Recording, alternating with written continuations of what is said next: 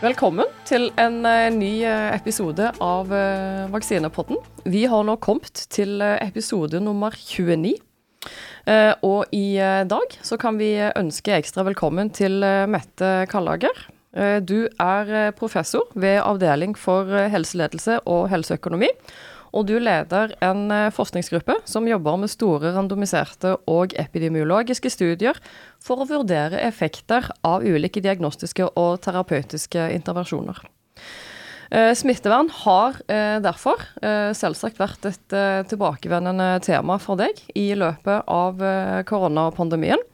Eh, og du har, etter mitt syn da, i hvert fall, spesielt tatt til eh, orde for en kunnskapsbasert tilnærming til uh, disse nedstengningene som vi har hatt. I studio er ellers som vanlig Even Fossum, og jeg er Gunnveig Grødland. Og vi er forskere ved Avdeling for immunologi og transfusjonsmedisin på Universitetet i Oslo og Oslo universitetssykehus. Men hvis vi nå starter i 2020, eh, for det var da pandemien eh, begynte, eh, så hadde vi det første påviste tilfellet av koronavirus i Norge den 26. februar.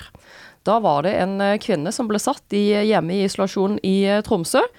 Dagen etterpå så hadde vi tre nye tilfeller, to i Oslo og én i Bærum.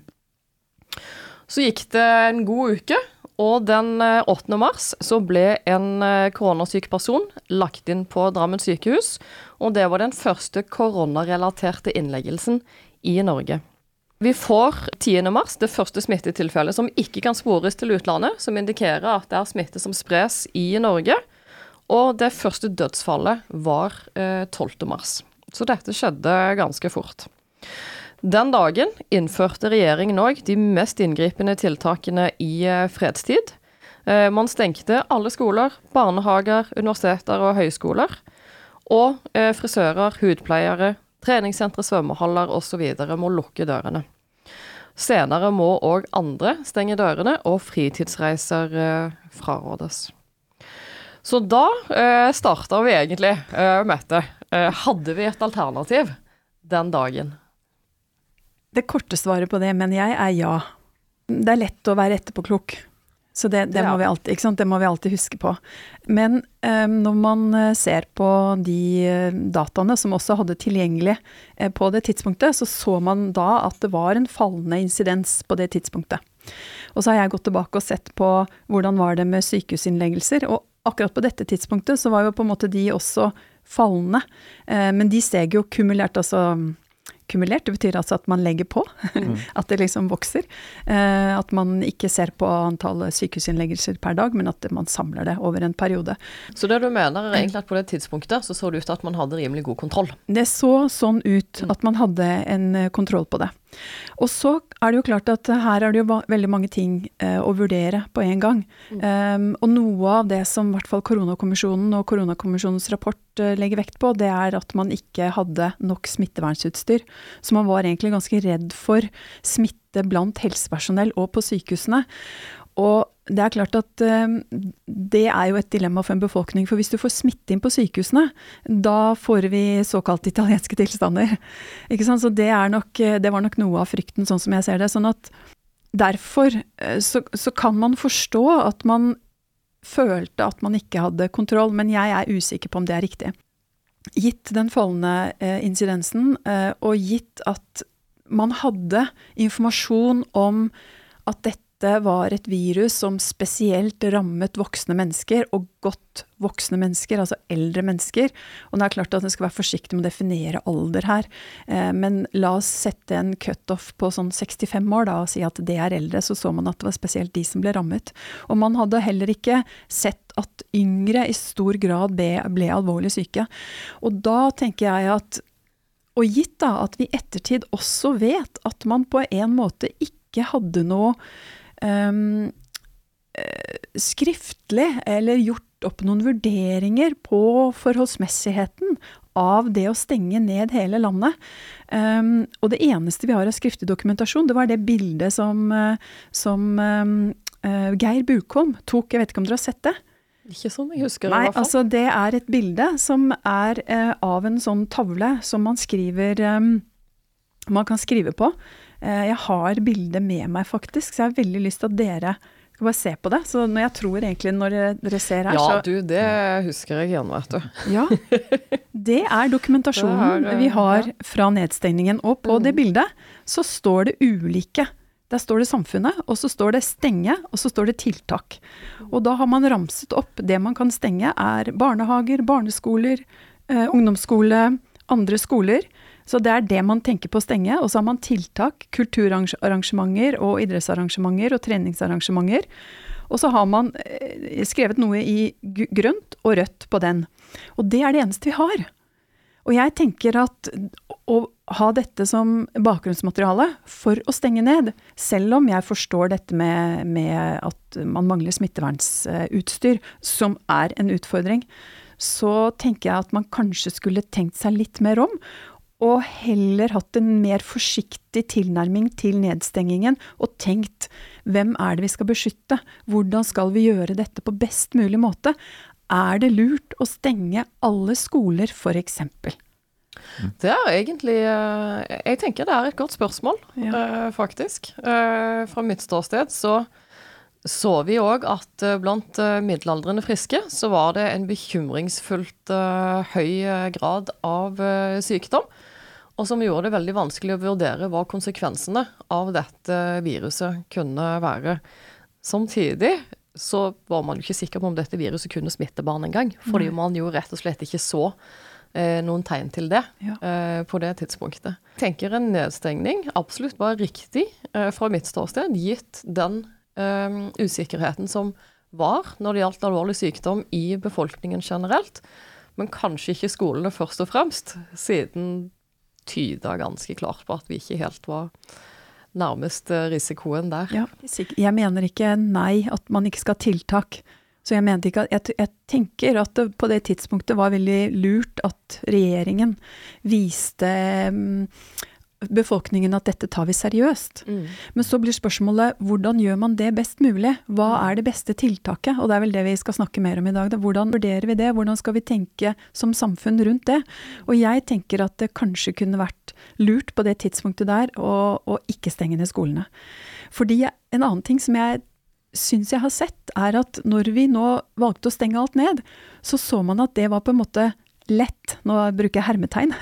Um, og da venner vi oss til, og vi venner oss til at det er akseptabelt. Så vi tenker at å ja, men vi stengte jo ned, ja men da kan vi gjøre det en annen gang. Og så har jeg, syns jeg har sett senere, argumentasjonen, i hvert fall når jeg snakker med folk eh, som, som ikke har vår bakgrunn, at de sier at det måtte jo være alvorlig fordi vi stengte ned.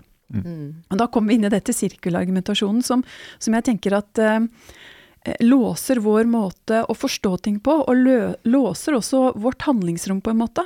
Fordi da er handlingsrommet litt satt. At vi venner oss til at neimen, nå øker smitten, boom, så stenger vi ned skolene f.eks. Som jeg har vært veldig opptatt av, dette med ungdom, ikke sant. Men det er egentlig veldig uh, interessant, for hva er alvorlig? Uh, og nå har man jo de siste årene hatt en ganske eh, hard kritikk i Norge av bl.a. Uh, Tegnell i uh, Sverige for hans uh, manglende vilje til å gjøre det vi faktisk gjorde i Norge, og som jo faktisk uh, fungerte. Uh, og jeg har Nå kan ikke jeg bekrefte at dette stemmer, men dette er en av grunnene jeg har hørt. Nemlig det at han tidligere har jobbet en del med ebola. Han har jobbet en del med virus som har helt andre dødsrater og helt andre sykdomsforekomst, alvorlighetsgrad, på et nydelig norsk ord, Ja. Eh, enn det SARS-CoV-2 hadde. Og da blir på en måte vurderingene med det utgangspunktet blir, kan fort bli ganske annerledes enn hvordan uh, kanskje befolkningen generelt vil oppfatte alvorlig. For hva er alvorlig? Mm. Men jeg vil si, altså, Du snakket, nevnte jo sånn italienske tilstander her uh, litt tidlig. Altså, man, vi hadde jo en del data, eller det var jo kommet en del informasjon fra andre land om konsekvensen da, av når det begynte å få, få mye smitte. Hvilken effekt det kunne ha. Vil ikke det også da ha en sånn sterk påvirkning at, uh, på de som da skal gjøre vurderingene her? eh, at man ikke ønsker å ende opp der. Og så tar man da et sånt litt uh, føre var. Altså heller den tilnærmingen. Mm. Heller enn også på en måte risikere at det, at det går Jeg har, jeg har da de der dataene Mm. fra 9. mars 2020 fra Italia. Mm. Fordi da hadde vi jo denne konferansen som jeg vet ikke om dere husker det. Eh, hvor Helsedirektoratet hadde en konferanse sammen med intensivpersonell. Eh, hvor da denne berømte legen som heter Graselli snakket og forklarte hvilken situasjon de står i i Nord-Italia, i Lombardia-regionen. Og det han eh, gir av tall, det er som følger. Det er 5000 personer som testet positivt på koronaviruset, og 40% av dem var innlagt på sykehus. 17,5% hadde behov for intensivbehandling, og det var gjennomsnittsalderen var 65 år, og 12,7% døde. Og det var da mye høyere andel enn i Kina. Og nå ser dere litt sånn sjokkert ut. Det er min tolkning her nå. At dere var sånn Oi, dette var veldig mye. Og så sitter jeg, da, som er vant med å forstå hvordan er det vi regner på disse tallene. Mm. Så begynner jeg å lure på eh, 5000 personer som da skal være i nevneren her, ikke sant. Eh, ja, men er vi helt sikre på at det er det alle som er smittet? Eh, Og svaret på det er nok nei. Det er ikke det. Og 40% av disse ble innlagt på sykehus. Det høres også helt usannsynlig ut. Det høres usannsynlig høyt ut. At dette skulle være da verre enn i Kina. Og så er det andre punktet som jeg reagerte på, i hvert fall, det er at 17,5% hadde behov på intensivbehandling. Og så er det 12,7% som dør. Det passer jo heller ikke i hop. For det pleier å være flere som har behov for intensivbehandling enn som dør. Sånn at her ville jeg ha Altså hadde jeg vært beslutningstaker, så hadde jeg tenkt at men hva slags tall er det vi har her? Kan vi stole på disse tallene her? Finnes det ikke andre tall vi kan bruke isteden? Altså offentlige tall som går på f.eks. overdødelighet, som kunne da belyse det poenget hvor hvor alvorlig var det egentlig? Og det er jo tall man har. Dette er jo ting som registreres temmelig raskt, så dette hadde man jo kunnet se litt nærmere på. Og det gjorde Eilif Lund. Han skrev i Aftenposten han i april 2020, hvor han hadde gått inn og sett på eh, italienske tall, og sett på hvem som dør. Og da så han de som dør, og da han så da på totaldødelighet. Og to totaldødelighet er et bedre mål, fordi da er man ikke avhengig av at man har fått en diagnose først. Og i og med at det er veldig mange for eksempel, som dør, eh, flere enn, som dør enn vanlig, så er det mye bedre. Fordi da har du ikke noen underestimering eller overestimering av de som dør av en sykdom. Og da viste han i Aftenposten at de som døde, det var de som var over 70 år. Og da tenker jeg at dette er jo klassisk eh, informasjon som myndighetene må gå etter. Du kan ikke ta eh, opplysninger og data som vir ikke virker rimelige. Jeg mener ikke at du ikke skal stole på, på, på de som er ute i felt, men du må på en måte prosessere og tenke hvilke data er det jeg trenger. Og det er vel også noe av det som jeg da synes at myndighetene burde ha vist oss når de stengte ned. At de burde ikke bare ha det ene bildet som, som vi nå har sett at de har, men de burde ha gjort de burde ha gjort noen utregninger, de burde ha sett på ok, hvor farlig er denne sykdommen, hvor mange er det som kommer til å dø. Og det er jo spesielt det vi er opptatt av. Også selvfølgelig må vi være opptatt av hvor mange er det som blir alvorlig syke, fordi vi må passe på at ikke vi har flere alvorlig syke enn det vi greier å ta vare på. Sånn at Det visste vi allerede da. Så det er ikke helt sant at vi ikke visste så veldig mye. Eh, Men, men det er klart det var mange ting som var uklart på den tiden. Så, så, så at, at man gjorde noe, det, det syns jeg er helt uh, Altså, det forstår jeg veldig godt. Ja, og det ser man jo òg i retrospekt, at det å gjøre noe kontra det å ikke gjøre noe, Ja. det ser man jo nettopp på overdødelighet. Ja. Altså det ser du i Sverige, Brasil og USA og Storbritannia og flere steder, at de har hatt en ganske markant overdødelighet. Uh, så Ja, men har de det? Altså, Sverige har jeg gjort en studie på, mm, uh, og det var bare for 2020, da. Mm, Altså, så jeg har ikke hele pandemien, vi har data fra 2020. Og vi har bare sett på dødelighet, altså hvor mange som dør. Vi har ikke, liksom, vi har ikke definert overdødelighet, men vi har sammenlignet 2020 med, med eh, gjennomsnittet fra 2015 til 2019. Eller ikke bare gjennomsnittet, men også de årene før, da, altså de fem, femårsperiodene før. Og det vi finner da, er at eh, i Norge så er dødeligheten i 2020 sammenlignet med 2015 og 2019, altså hele den tidsperioden. Da har vi i aldersgruppen som er under 70 år, så er det 7% færre som dør. Mm. I de som er mellom 70 og 79 år, så er det 6% færre som dør. Og de som er over 80, er det 5% færre som dør i 2020. Også hvis vi går til Sverige og ser på den samme sammenligningen, så finner vi at da de som er under 70 år, så er det en reduksjon i dødelighet på um, Ja, den er på 0,82. Det er altså 18% underdødelighet. Og så er det 7% overdødelighet i aldersgruppen 70 til 79, og 3% i den over 80. Mm. Og hvis man da ser på ikke sant? Så det er liksom gjennomsnittet. Hvis man går liksom inn i dataene og ser på hva skjedde i, i den perioden 2015 til 2019, så ser vi at for 2019 så er det en veldig underdødelighet i Sverige. Uh, og sånn at 2020 ligner mye mer på perioden fra 2015 da, til 2018. Og der er det omtrent rikt. Så forskjellen her kommer av at i Sverige hadde en underdødelighet i 2019. Og så kan man jo tolke disse dataene. Det er oppe for tolkning. Er det mye, mm. er det lite? Men, men det er sånne type data vi bør ha, tror jeg, for å kunne gjøre gode vurderinger. Mm. Altså hvor nødvendig var det? Og, og er 7, er 7 overdødelighet mye eller lite? Ja, det er jo Det kan jo ikke Altså, jeg tenker at det kanskje ikke er så mye. Men noen andre kan jo tenke annerledes.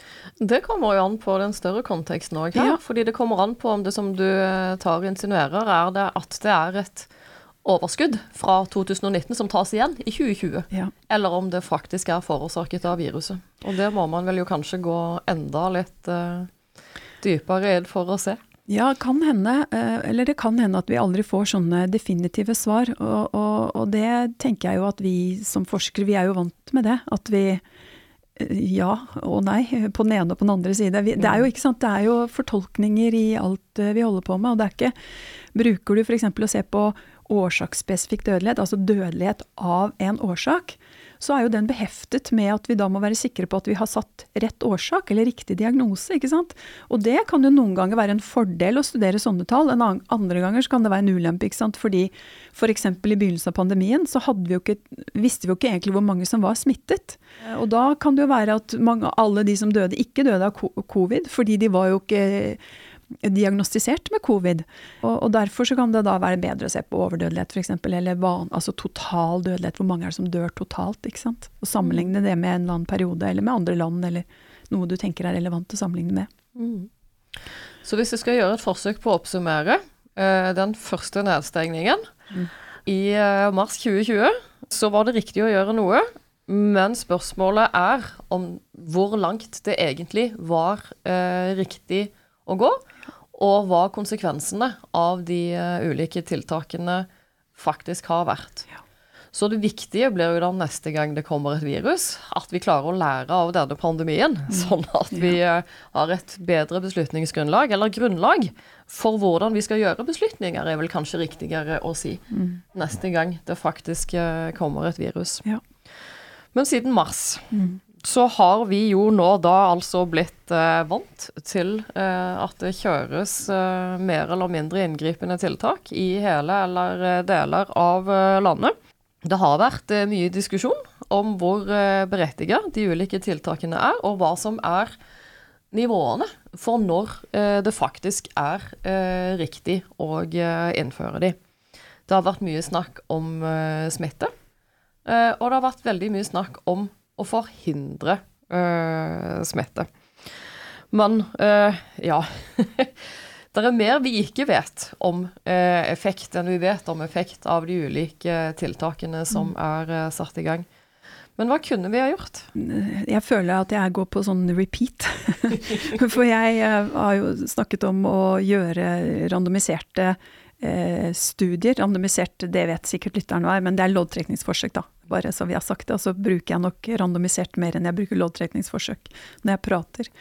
Um, I større grad uh, har brukt den type tilnærming til også nedstengning, eller tiltak, da, eller gjenåpning om du vil, hvis uh, Litt avhengig av hvor vi er i landskapet.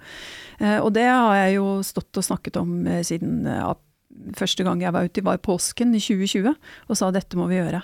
Når, når vi nå stenger ned skolene, f.eks., så, så må vi i hvert fall kanskje gjøre en eh, randomisert gjenåpning. Det vil egentlig da si at du på en måte må velge skoler innenfor omtrent samme uh, smittesituasjon. Ja. Typisk Oslo eller en av de andre storbyene. Ja. Uh, og åpne noen, ja. holde noen lukket, og se på egentlig lokal variasjon. Ja. Det er riktig. På skoler så må du da ha det vi kaller clusterrandomisering. Og så kan man da bestemme hvor store de clusterne skal være. Og det vi så for oss, eh, nå, dette er jo tilbake i april 2020, mm. da så vi for oss at vi, vi brukte bydeler til og med. At du, at du tenkte at kanskje man må, man må, randomisere på bydeler til og med, ikke, ikke bare på skoler. Eh, fordi mm. ja, Det er jo litt vanskelig, for da må du randomisere på sosiale levevilkår og alle andre parametere òg. Ja, men uh, randomisere innenfor bydeler. Mm. At, du, okay. sant, at du, du, du, har skolen som enhet, mm. men du har på en måte cluster utover det også. Sånn at du, i Oslo vil ikke liksom ta alle skolene eh, under samme. Mm. Du må ta enda mindre enheter. Eh, og så utover i landet, som det var lite smitte, så så er det jo på en måte uhensiktsmessig å randomisere. Men de var jo så nedstengte, vi må huske på det, ikke sant? at det var jo ikke åpent. Så man mente det var så farlig at man skulle stenge ned også på områder som man jo ikke hadde smitte, og nesten aldri senere så smitte heller. Så det var landskapet. Du, da må jeg bare fortelle en historie, faktisk. Fordi jeg ble oppringt fra en uh, skole uh, i et av de nordlige fylkene hvor de hadde hatt null smittetilfeller i kommunen og nærliggende kommuner. Og de fortalte at på den skolen så hadde de uh, Det var når skolene var åpne men på biblioteket så fikk ikke elevene lov til å låne bøker på vanlig måte. De måtte ta og bestemme seg for bok og gå og hente den. Og når boken kom tilbake, så måtte bøkene legges i en sånn uh, fin uh, boks som ble sprita og desinfisert med diverse såper og jeg vet da pokker, pluss at bøkene ble ilagt en sånn to ukers karantene. Og det var masse annet styr òg. Det var masse begrensninger på hvordan elevene kunne gå, og de kunne ikke ta på hverandre, og de måtte holde avstand. og var det noe mer han kunne gjøre, var spørsmålet mm. til meg. Og jeg bare øh, du, du, du, du, har ikke virus i kommunen, så hva er det du holder på med? Ja. Ja. Skal du liksom ikke slippe opp når du kan ja. slippe opp? Det er noe med at du forhindrer ikke viruset før det de facto er til stede. Nei. Du hindrer ikke smitte hvis du ikke faktisk har smittespredning. Men der, jeg må bare liksom komme på en ting her nå. For da tenker jeg tilbake til når vi da, når regjeringen, eller hvem det var som bestemte at det skulle være nedstengning. Når det ble stengt i mars 2020, så skapte vi jo veldig mye frykt i mm. befolkningen. Sånn at jeg har vært opptatt av hele tiden at vi må forstå at folk der ute blir redde. Og det, da handler man irrasjonelt på mange måter. Og gitt da at du ikke har da sånn som du og jeg, som kan lese artikler som kan sette ting i et perspektiv, eh, så vil det være veldig lett å tenke at det eneste riktige, det er å bare gjøre mer og være veldig streng og veldig, ha veldig stor tiltro til at det er noen ting faktisk jeg kan gjøre. Så jeg, jeg er liksom opptatt av å prøve også å forstå og tilgi og tenke at dette er et overordnet problem. Mm. Så det er ikke sikkert at det er den stakkars uh, bibliotekaren som er redd og som ønsker å gjøre alt riktig, og som ikke ønsker å ha ansvaret for å smitte et barn, som kan smitte sin gamle bestemor som er på sykehjemmet. Så i dette i det å stenge ned den gangen, så, så, så la det også grunnen uh, for en redsel uh, og en måte å tenke på, tror jeg, som forsterket den derre 'skal vi ikke gjøre enda mer nå'? Vi må forstå at eh, her har foreldre vært redde. Foreldre som har tatt barna sine ut av barnehager nå i løpet av de to siste årene fordi de er redde for at de skal bli smitta og, og, bli syke. Det er jo en grunn til at de tenker det, at de er redde. Det er en god grunn, ja. for dette er jo noe de fleste ikke forholder seg til Nei. på en daglig basis. Nei. Og jeg skjønner den frykten veldig godt, faktisk. Ja. Men det er òg derfor det er så viktig Nettopp. at vi er edruelige når vi informerer. Ja. Og spesielt hvilken trussel vi faktisk står overfor, og hva det er for noe. Mm. Men jeg tenker på, hvordan, Hva tenker du om altså det å formidle den der, si, usikkerheten da, ja. eh, som kommer med smitteverntiltak, og hvor farlig et virus er. Ja. Eh, og det skal bli mer opp til hver enkelt av oss kanskje da, så ja. skulle vurdere der, den informasjonen. Om det blir problematisk. altså sånn, Du kan si, si en ting om denne nettstillingen 12.3, at det, det, fikk i hvert fall det, det satt en bråstopp for uh, smittespredningen på det tidspunktet. Altså Da fikk du på en måte kutta det ganske rett ut. Men om, om, utfordringen da blir hvis man ikke formidler at dette her er potensielt farlig, for det var jo det for en god del mennesker, ja. så blir på en måte risikoen at ja, men da er det ikke så farlig, da. Hvis, hvis uh, det var ja. Hvordan skal man på en måte Nei, altså, jeg, det, var der, det, var derfor mitt svar til å begynne med var liksom Ja, jeg tror ikke man trengte å stenge ned alt, men jeg tror også det er viktig at man gjør noe. Mm. Så, så, det er den balansen der. Mm. Uh, og jeg, jeg tror på at man er edruelig når man informerer. Jeg tror på at man bruker fakta.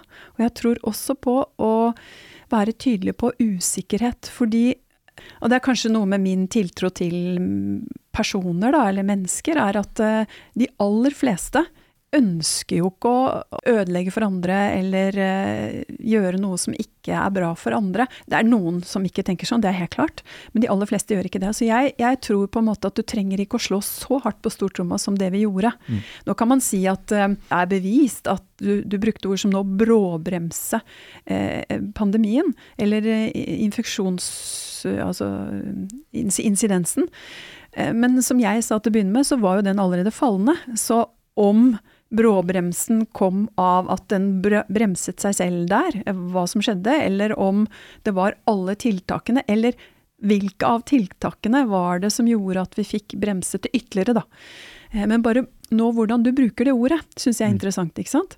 For da er det på en måte Bråbrems er, jo veldig, det er jo veldig voldsomt, det er veldig virkningsfullt. Som gir et signal om at dette er bra, vi, det er bra når vi bråbremser, for da, da, stopper vi for noe, og vi krasjer ikke inn i den elgen, eller vi, vi unngår den ulykken, på en måte. Og jeg er vel mer undrende til hele den, det konseptet, og hele tiden hvordan vi som samfunn har presentert tall. ikke sant? Det, det er smittetall hver eneste dag. Jeg vet, jeg vet, ikke hvor mange ganger dere sjekket smittetallene en periode, men jeg sjekket inn flere ganger om dagen, jeg.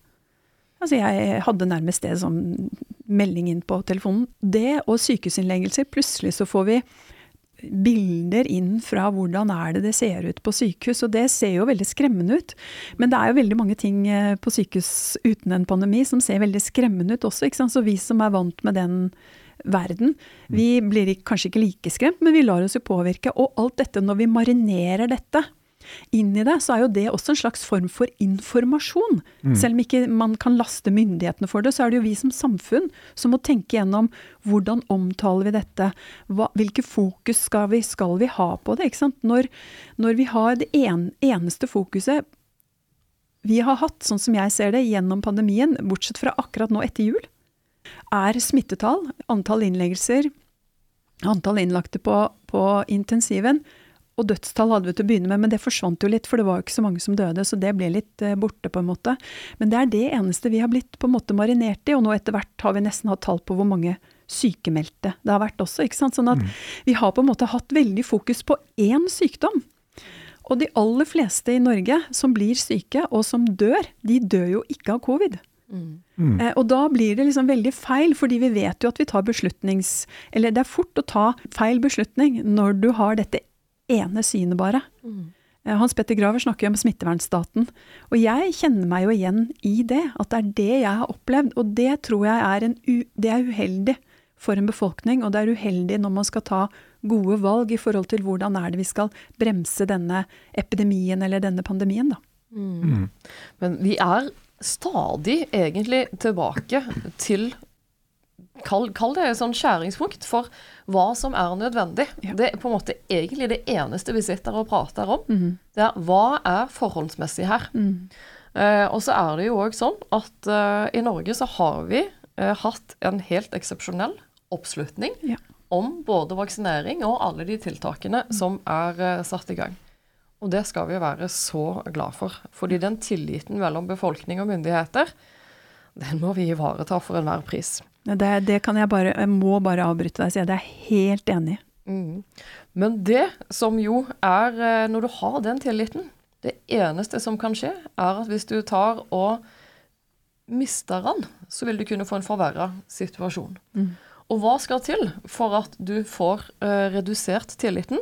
Jo, det er egentlig nettopp det at man enten setter i gang tiltak eller ikke setter i gang tiltak som historien viser entydig for befolkningen at skulle eller ikke skulle ha blitt gjort. Mm. Så man må på en måte òg ivareta den ved å handle riktig. Mm. Mm. Og man får egentlig da et ekstra press mm. på å hele tiden handle edruelig, sånn at det òg står seg i historiens lys. Mm. Fordi det er det befolkningen vil uh, huske. Mm. Så Ja, men til, bare for å dvele litt med det, ikke sant. Og det, der har vi jo Fordi dette har jeg vært opptatt av, veldig opptatt av hele veien. Også fordi jeg har jobba mye med, med, screening og sett på folkehelsetiltak og sett at det er liksom ganske vanskelig eh, å vurdere på folkehelsenivå. Og det er vanskelig å gjøre observasjonelle studier og få gode svar. Så derfor så har jeg vært veldig opptatt av å prøve å gjøre det sånn systematisk eh, og riktig. Og så tilbake til dette med tillit. Fordi når vi vet at det er en sykdom som, som, så åpenbart rammer de som er eldre, og på en måte ikke rammer de som er yngre, men tiltaksbyrden har nok vært høyere for de som er yngre, fordi de har ikke fått gått på skole. Jeg mener det er et, eh, det er et voldsomt inngrep. Og det er jo de yngres tillit vi er avhengig av. Og den tilliten er kanskje i utgangspunktet litt skjør, fordi de uh, unge som vokser opp nå, de vokste opp med klimakrise. Så kom pandemien.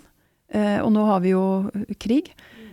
I det å forstå tiltak, og i det å forstå dette med tiltak, så må vi, tror jeg, så syns jeg at det har vært uheldig at vi ikke har tenkt på dette. Fordi jeg tenker Jeg omgis en del med unge mennesker, og de har vært skeptiske. De har kjent på kroppen eh, hva dette er å være nedstengt. Det har ikke mine foreldre de har egentlig ikke eh, levd et så veldig annerledes liv.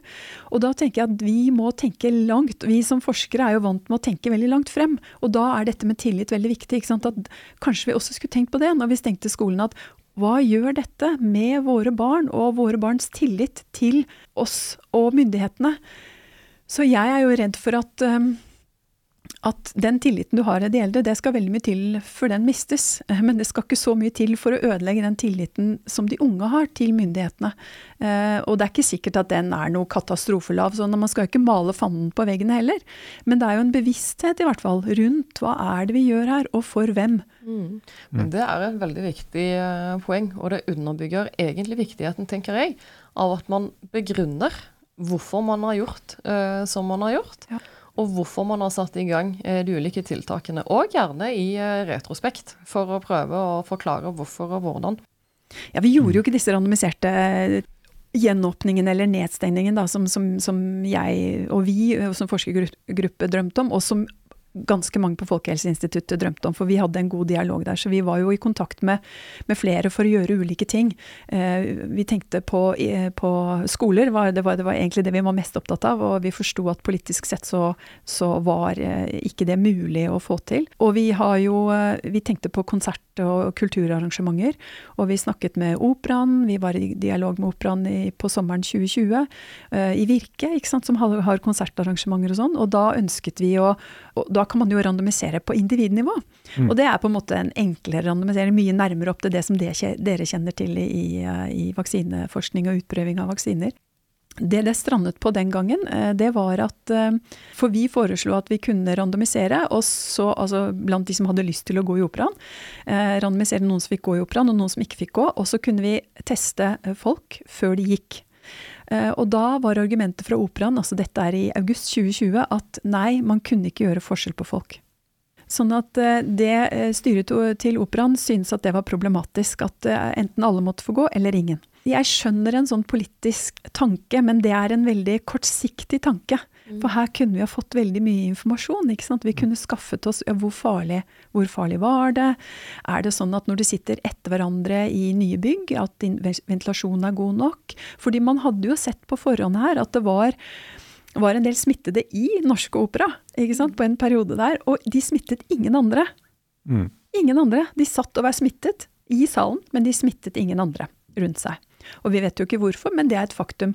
Så når det, når det legger til grunn, så gir jo det meg som forsker en idé om at ok, da kan vi i hvert fall prøve det ut, for da er det ikke så farlig at vi ikke skal prøve det ut, ikke sant? Men, Men det, det, tror jeg jo òg er eh, noe folk hadde skjønt, hvis du presenterte det som ja. at eh, du får kanskje muligheten til å gå, men det kan være du er uheldig om å sitte hjemme. Ja. Det tror jeg jo kanskje man hadde akseptert i en pandemisituasjon.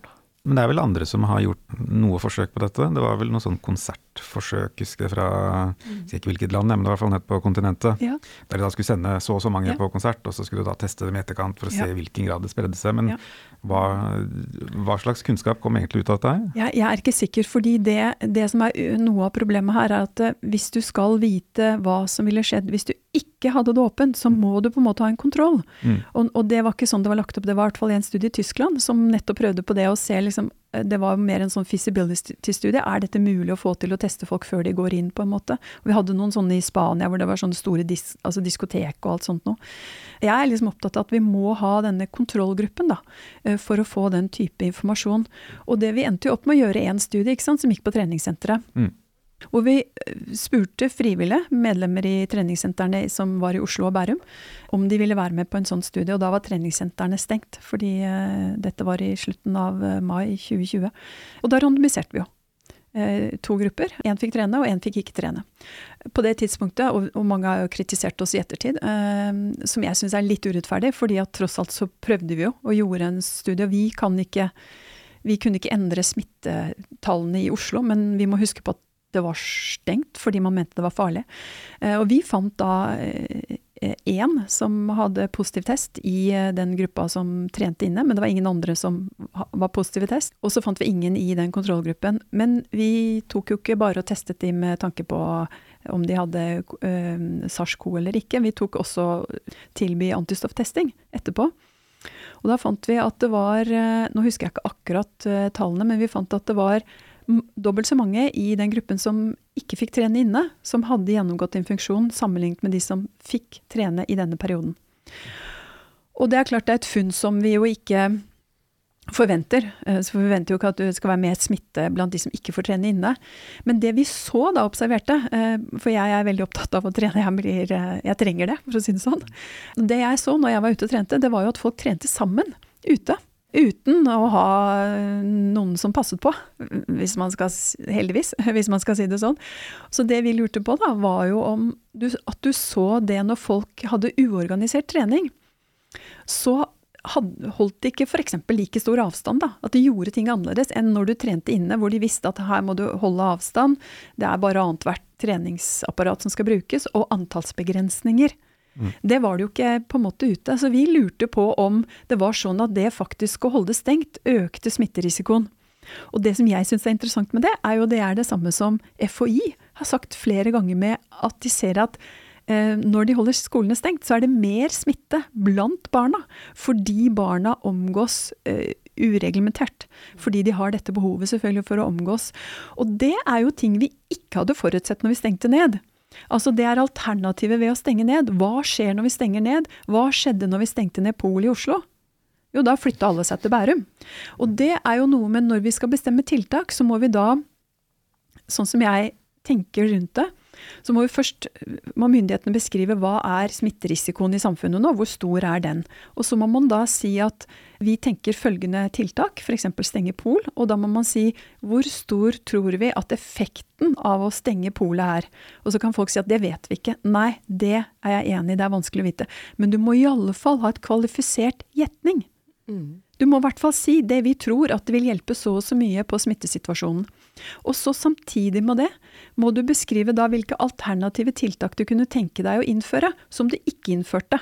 Det er de to tingene. Og så, når du har beskrevet hvor stor er effekten, så må vi gjøre sånn som vi gjør i medisin. Er det noen bieffekter? Er det noen bivirkninger? Er det noen ulemper? Og da må det beskrives. Og helt åpenbart når du stenger ned et pol, og det er åpent uh, i uh, polet ved siden av, så vil folk flytte på seg. Det trenger man ikke veldig mye forskning til å vite. Og man vet også at de som er avhengig av alkohol, det er farlig for dem å ikke få den alkoholen. Og det visste man jo, og dette må man beskrive. Og det er jo ikke gjort.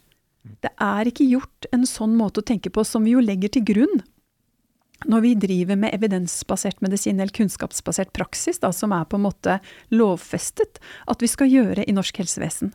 Så i mars 2020 så forlot vi på en måte den måten å tenke medisin på. Mm. Og så skal jeg si én ting til når jeg, når jeg, først er i siget her, og det er at eh, man kan tenke seg at og, og, det har vi diskutert nå, nedstengningen i mars 2020. Og vi er enige om at ja, noe måtte gjøres. Og så er det ingen av oss som har fasiten på hva eller hvordan man skulle gjort det eventuelt bedre. Og så tenker jeg at det er legitimt å ikke vite noen ting. Å stenge og roe ned for å skaffe seg oversikt. Altså man kan bruke et slags føre var-prinsipp. Det er helt innafor. Altså, selvfølgelig skal vi kunne bruke det. Men til det ligger det et ansvar på myndighetene. Og det ansvaret er, mener jeg helt åpenbart, at da må de legge til rette for at vi kan skaffe oss kunnskap. Og det er jo det man, når man bruker føre-var-prinsippet som er utlaget for uh, miljøkatastrofer f.eks., så sier jo uh, alle retningslinjer at det kan du gjøre, men da må du også tilrettelegge for forskning. Eller å skaffe seg kunnskap. Mm. Og det er jo noe av det som vi diskuterer nå. Hvordan har man lagt til rette for å skaffe seg kunnskap? Og det, det eneste som vi har gjort i Norge og nesten i verden, er jo, uh, er jo denne treningsstudien. Og så er det gjort noen studier på masker. Mm. ikke sant? Ellers er det jo ikke gjort noen sånne Eh, studier på tiltak, og det ville vi jo aldri akseptert på vaksiner eller medikamenter. Nei, det hadde vi mm. slett ikke akseptert. Men det er ikke for sent, tenker jeg. Altså nå har vi eh, på en måte gått gjennom denne pandemien. Det blir viktig nå, tenker jeg, å få de begrunnelsene som tidligere ikke har vært på plass rundt de vurderingene som er gjort. Hvilke usikkerhetsmomenter som har uh, ligget der uh, hele tiden. Og rett og slett hvorfor man har gjort eh, det man har gjort. Og så er det sånn at selvsagt i dag vet vi mer enn det vi gjorde tidligere. Eh, så det må man jo òg ta med i eh, betraktningen. Nå er eh, Norge yay, helt åpent. Ja. Eh, og eh, vi lever som normalt. Jeg sa faktisk til litt oppstuss, må man innrømme, den 25. januar dette året at Norge nå var ferdig med konsekvensene av eh, koronapandemien. Eh, men eh, det tok nesten tre uker før Norge faktisk åpnet opp den 12. februar. En av de tingene som vi fortsatt diskuterer i dag, er faktisk koronapass. Som har vært diskutert gjennom hele pandemien, bl.a. fordi Norge og Danmark har valgt en veldig annerledes tilnærming. Og igjen er vi tilbake på denne forholdsmessigheten mm. som vi har vært inne på. Mm. Fordi nå er, når er det akseptabelt eh, å benytte et sånt eh, pass? Mm. I Norge har man jo vært Sånn som jeg oppfatter diskusjonen, så har den vært preget av at OK, hvis vi innfører et koronapass, så må det enten kunne være basert på vaksinering, eller at folk kan tilby en negativ koronatest. Altså at du ikke egentlig diskriminerer mellom gruppene, men at en den, den ene gruppen har noe større praktiske ulemper mm. enn uh, den andre.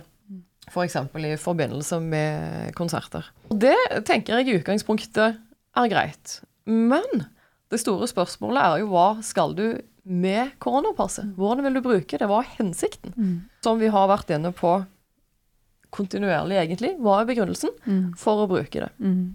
Og nå er vi jo i en uh, situasjon der vi uh, vet at uh, vel, verken vaksinering eller tidligere eksponering for dette viruset tar og forhindrer at du kan bli smitta igjen og smitte andre på et tidspunkt i ikke altfor lang avstand fra eksponeringen. Hva er hensikten? Mm.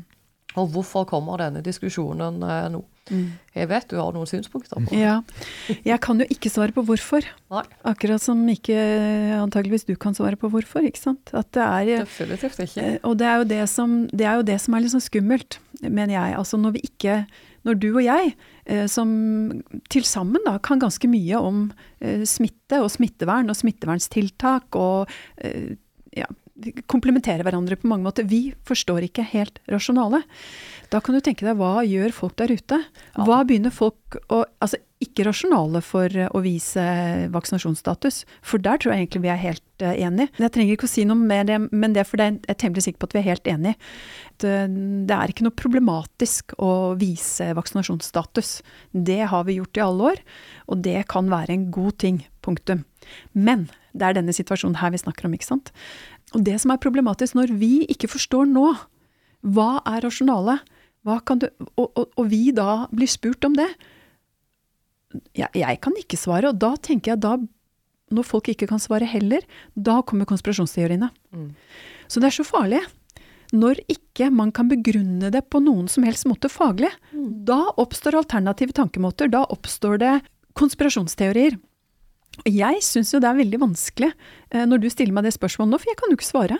Ja, nei, jeg skal ta? Nei, nei, jeg- det er ingen jeg- som har et klart svar her. Nei. Men for å få med bitte litt eh, bakgrunn, eh, så har eh, da regjeringen sendt på høring et forslag som går på at koronapass eh, og reglene for det skal utvides til godt ut i eh, 2023.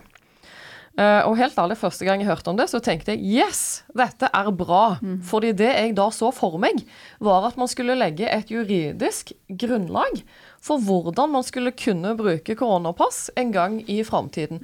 Hva er de situasjonene hvor dette faktisk er hensiktsmessig, eh, og hva er terskelen for når det er akseptabelt å gjennomføre. Ja. Og det syns jeg er en god idé. Ja. Og så leste jeg høringsutkastet, så ble jeg egentlig litt provosert, faktisk. For det er ikke det de gjør. Nei. Eh, Det går egentlig Nå må jo folk lese det selv, og ikke eh, bare ta min beskrivelse av det. Det ligger åpent tilgjengelig på nettet, mm. selvsagt. Det man eh, egentlig gjør, er at man forlenger koronapasset for å beskytte mot SARS-CoV-2, gitt at det er smittespredning i samfunnet. Og man legger òg inn at man kan bruke dette sertifikatet ikke bare når det er problemer med SARS-CoV-2, men hvis smittebyrden totalt av uspesifiserte virus tilsier at vi havner i fare for å få press på helsevesenet. Ja. Og da begynner jeg å tenke ø, hallo, ø, hva? Hva, hva, hva, hva skjer nå? Hva, skulle ikke dette være en diskusjon av hvor eh, nivået ligger for når dette kan rettferdiggjøres? Fordi det er ikke det som eh, legges opp til. Nei. For det er en diskusjon vi hadde trengt. Ja. Men dette blir mer en ubegrunna videreførelse av eh, tiltak som allerede har vært eh, diskutert, Mm. og hvor jeg tenker det er ikke klart hvorfor og hvordan vi trenger det Nei. mot SARS-CoV-2, gitt det vi har av informasjon Ja. i dag. Gitt dagens vaksiner, eh, gitt eh, hva slags type forskning vi har gjort på vaksinene, eh, for det er jo gjort eh, gode randomiserte studier, som jeg tenker at eh, ja, det er selvfølgelig skal vi gjøre det. Eh, vi har ikke gjort det på dose tre, eh, dose fire, dose fem osv. Det har vi jo ikke noen data på. Eh, og så kan man tenke seg at man greier å utvikle en ny vaksine mot en ny virusvariant. Det tenker jeg jo at man kan, og da må man jo mm, begynne litt på nytt igjen. Da må man teste om det virker. Men sånn som det er lagt opp til nå, akkurat sånn som du sier, at eh, det er ingen begrensninger på Det er ikke satt krav til at den skal virke. Altså at vaksinen en gang skal virke mot det viruset som til enhver tid er i, i omløp. Det, det står det ingenting om. Og så er det det oppsiktsvekkende som du snakket om. eh, Det, det som, de, som, som var et nytt uttrykk for meg, det var parallelle utbrudd. For det er det du sikter til, ikke sant. At så lenge det er noen som har covid, så kan man påtvinge, eller så kan man sette krav til å bruke det passet hvis smittesituasjonen av andre novovirus, eller hva vet jeg, eh, det kan være mange virus som kan gi belastning på, på helsevesenet, da skal det være mulig å bruke koronapasset. Og det medisinskfaglig sett er problematisk. Det medisinskfaglige her er også problematisk fordi man på en måte tvinger befolkningen, eller tvinger og tvinger, eh, i hvert fall eh, går langt i å dytte befolkningen å ta vaksine for å reise. Vaksine da som vi ville, som medisinsk ikke ville vært indisert. Så, og dette er, um, vaksiner er, em, er reseptbelagte. Sant? Så vanligvis så må du gå til en lege og vurdere om du trenger medikament eller ikke. Eh, her blir det et press på at befolkningen skal ta reseptbelagte medikamenter av en ikke-medisinskfaglig grunn, og det er en ny praksis. Eh, det, som jeg, jeg, tenker bare, er problematisk. Svært problematisk. Da må jeg jo legge til at som vaksineforsker er vi jo helt enige her. Ja. Jeg er jo svært for vaksiner Ja. når det trengs, Ja. og til de gruppene det trengs for. Ja. Men det skal ikke brukes uh, uten en klar strategi. Nei. For som alle vet, vaksiner har òg potensial for bivirkninger. Det har de alltid. Som alt annet i livet, egentlig. Ikke sant? Så, så- jeg er helt enig, og, og jeg syns at dette er problematisk på så mange områder. Eh, Denne nye, denne, dette nye, eller forslaget, da, og høringsfristen er jo, er jo over akkurat for det. Mm. Men det er veldig problematisk, for det er akkurat sånn som du sier, at det klarer ikke, det ligger ikke grunnen til når skal vi bruke et um, vaksinasjonsbevis, og i hvilke settinger trenger du det? Ja, det er ikke, I Norge har vi jo ikke brukt det som du var inne på, i Danmark heller ikke. og det tror jeg egentlig skyldes at befolkningen har så mye tillit, som vi snakket om tidligere. Og det er et gode for befolkningen. Ikke, ikke misbruk den tilliten som ligger der. Ikke push folk til å ta vaksinedose fire, fem, seks hvis ikke det er medisinske gode grunner til det. Mm. Så der er, jeg, der er, vi altså helt, helt på linje. Men har ikke vi egentlig vært ganske flinke til det i Norge, vil jeg si? Altså så Når det gjelder den både oppfordring til dose tre og sammenlignet med en god del andre land, har jeg inntrykk av. Altså du, du, skal ikke lete lenge på Twitter for å se spesielt uh, amerikanske smittevernseksperter som er veldig harde på det med både tiltak og vaksinering. og så jeg har liksom inntrykk av at uh, tross alt så har kanskje den informasjonen som har kommet fra FHI og her i Norge, vært ganske moderat på mange områder. Det gjelder egentlig både vaksinering av barn og liksom uh, Altså sammenlignet med mye annet. Men her må du skille mellom anbefalinger fra FHI, som mm. har mhm. vært veldig edruelige, og anbefalinger politiske fra regjeringen. For FHI har aldri anbefalt vaksiner til barn, og de har aldri anbefalt en tredje dose til friske voksne under 45. Det har derimot regjeringen. Så er spørsmålet da, eh, oppfatter det at når eh, FHI Hvordan oppfattes det i befolkningen at de sier det er tilgjengelig, og man kan velge òg tredje mm. dose hvis man er under 45 år, og regjeringen setter det som en anbefaling, hvordan oppfattes det? Fordi En av de tingene jeg har blitt litt forundret over når jeg prater rundt uh, med folk, er at det er så mange som oppfatter tredje dose som en faglig anbefaling for alle, inkludert friske 18-åringer. Og det står jo ikke stilt til hva vi som fagfolk faktisk leser fra FHI og selv mener. Så her må vi skille veldig klart mellom hvordan vi oppfatter det, tror jeg, og hvordan eh, befolkningen eh, tolker det. Kan, kan, jeg få utfordre deg litt eh, på det? For eh, jeg er enig med deg, eh, Gunnveig, at det jeg tror befolkningen oppfatter det helt annerledes enn det FHI eh, mener. Og, og, FHI har jo vært edruelig. Det er jeg helt enig i. Fagfolkene i FHI har vært edruelige. Men de, ha, de, står i et politisk dilemma. Fordi de er en del av myndighetene, de også. Sånn at her tror jeg det har vært litt uh, Uklarheten eh, i befolkningen blir enda større, for de er litt usikre på hva egentlig FHI mener. Det er klart Hvis du leser det de skriver, da er det lett å forstå. Men når du hører det, så er det ikke så lett å forstå. Men nå er vi altså sommeren eh, Vi nærmer oss 20, sommeren 2022. Og vi vet at koronapass kommer til å være et krav, tror jeg, til å reise f.eks. til Spania. Men der kommer de nå i løpet av sommeren, dette er et, et hypotetisk eksempel, der kommer de til å sette krav til fjerde dose. Even, eh, du har lyst til å reise til Spania. Hva gjør du? Har du sett den, at de skal sette krav til fjerde dose? Nei, jeg altså, bare, jeg, jeg bare, dette er et ikke usannsynlig scenario. Nei, for jeg var i Spania nå for to uker siden. Og altså kravet der, sånn som jeg forstod, altså de, de, har, du skal ha grønt koronapass, og det var da tre, tre doser. Stiller de er på en måte det som gir deg på en måte et, et grønt koronapass. Ja. Men andre alternativer var også negativ test, altså. Ja. Så at det er muligheter å omgås dette her. Ja. Så, og jeg vil jo tro at også på europeisk basis så vil disse her, eh, kravene fires nå på, etter hvert som pandemien forhåpentligvis begynner å avta. Og det vil jo på en måte være det mest sannsynlige som vi vil se forover. At eh, både når det gjelder koronapass og altså, kravet om vaksinering og antall doser vil gå nedover her i, i Europa, tenker jeg. Altså, sånn, men, men, men jeg gambler på det, faktisk. Jeg tror liksom at eh, etter hvert som folk, liksom, etter hvert som pandemien begynner å fisle litt utover hvert, så vil ikke folk se nødvendigheten av altså Det vil være mindre behov for å sørge for at de som kommer inn, er vaksinerte. Det vil være mindre smitte. Ikke sant? Du kan jo si at det, eh, Argumentet for at folk er vaksinerte, skal ut og reise, er jo at eh, det er jo ingen som ønsker at du skal få inn en haug med turister som så blir koronasyke og som må på sykehus, enten her eller i Spania. Så det er jo en forståelig forklaring. Men etter hvert som smitten går nedover og de fleste er vaksinerte tross alt, så vil også det måte behovet for disse ekstra tiltakene Men, men eh, da har du, for der skiller du og jeg, eh, ikke i eh, det faglige, men i hva vi tror kommer til å skje. fordi det mm. jeg er redd for, mm. er at sant, allerede setter de krav da, til tredje dose. Jeg, på det tidspunktet jeg da fikk tilbud om tredje dose, så takket jeg nei, fordi da var det omikron. Og dataene jeg hadde sett på det tidspunktet jeg tok stilling, var at dette beskyttet ikke meg veldig mye tredje dose. Og da tenkte jeg da trenger ikke jeg å ta det. Jeg trenger jo å ta det hvis jeg skal ut og reise. Men, men det er ikke en medisinsk indikasjon. Allerede så har vi liksom strukket den strikken.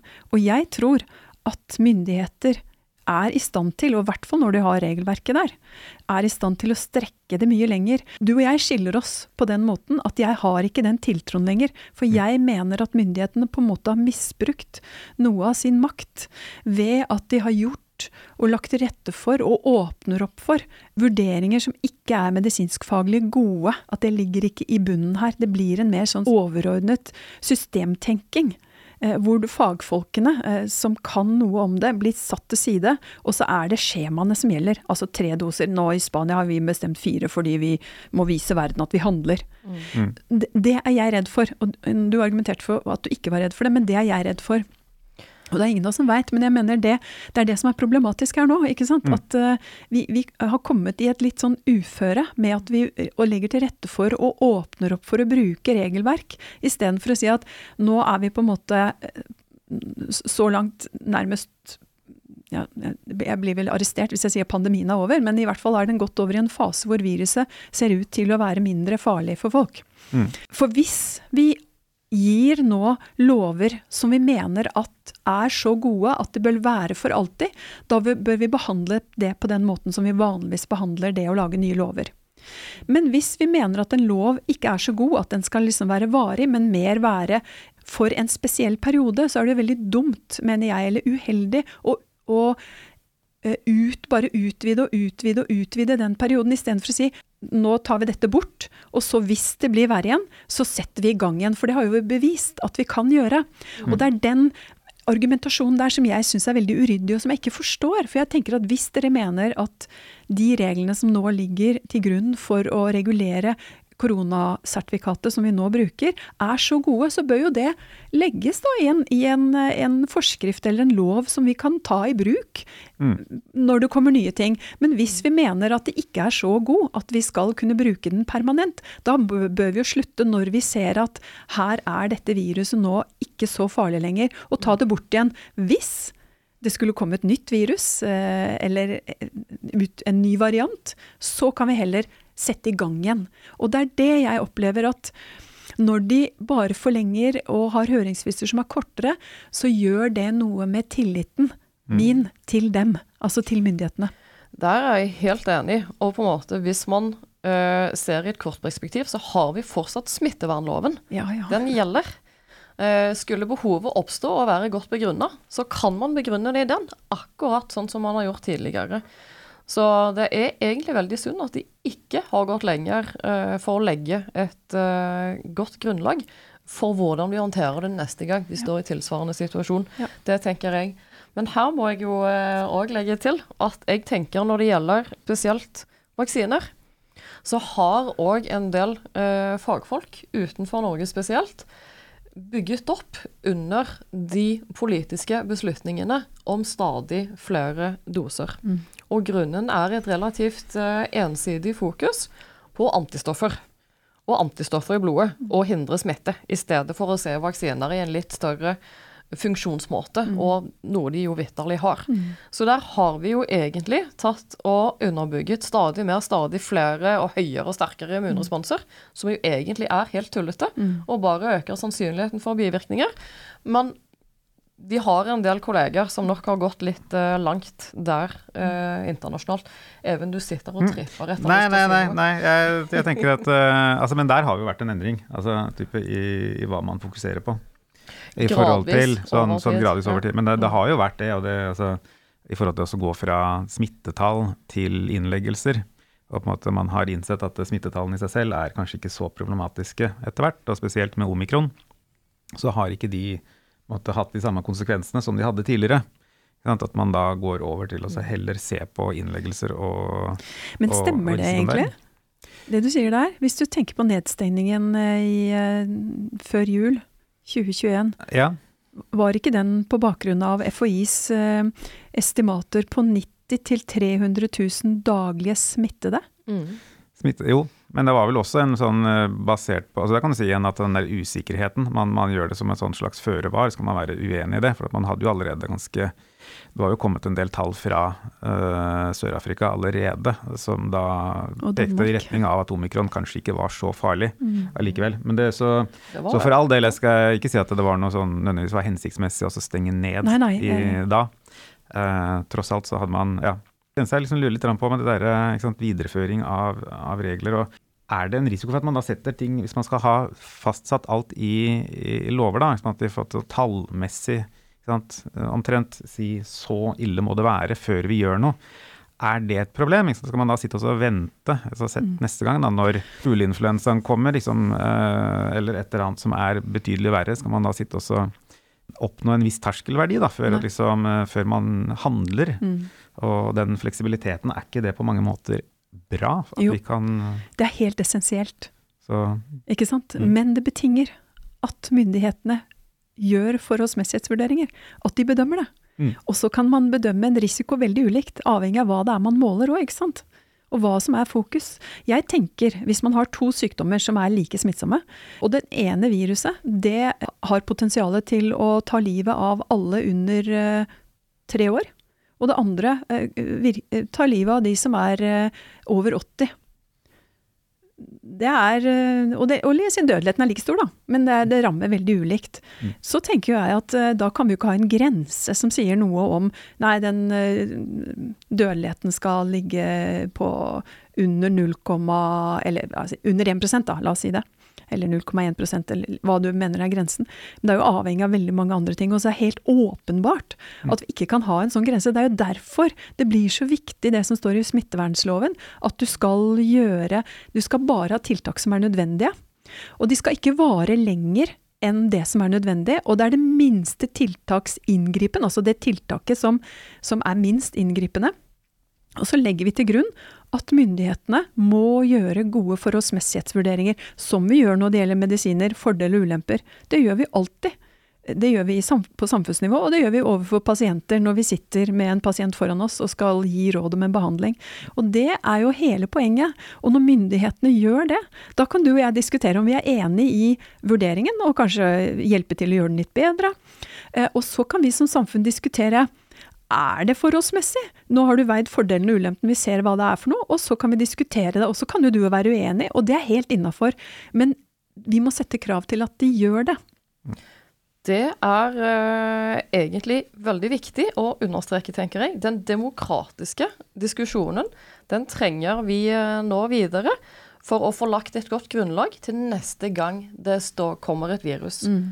Hva er forholdsmessigheten vi kan akseptere? Hva er graden for når nødvendige tiltak kan eh, iverksettes. Ja. Jeg tenker det må begrunnes godt. Og det viktige må være å opprettholde tillit fra befolkningen, både nå og framover i et uh, lengre perspektiv. Mm. Dette har vært en langt lengre episode enn det vi uh, vanligvis uh, pleier å ha. Og det tenker jeg nok er fordi det er et veldig interessant tema. Og jeg kunne gjerne diskutert i en time til. Men jeg tenker vi skal ta oss og avslutte eh, nå. Eh, tusen hjertelig takk til eh, dere lyttere som har eh, fulgt oss eh, helt eh, til nå. Tusen hjertelig takk til Karen Sunde fra Avdeling for kompetanseutvikling ved Oslo universitetssykehus, som har bistått oss med det tekniske. Og tusen hjertelig takk til deg, Mette Kallager, for at du har vært med oss i studio i dag. Takk for det.